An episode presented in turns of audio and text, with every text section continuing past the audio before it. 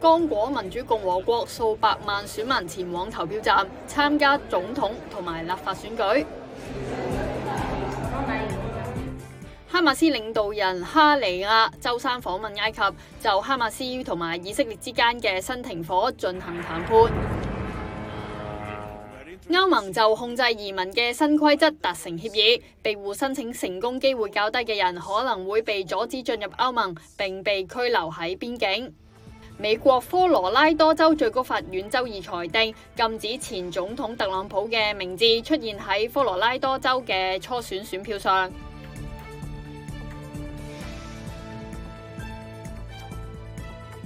中国甘肃省部分地区发生致命地震，造成一百三十几人死亡。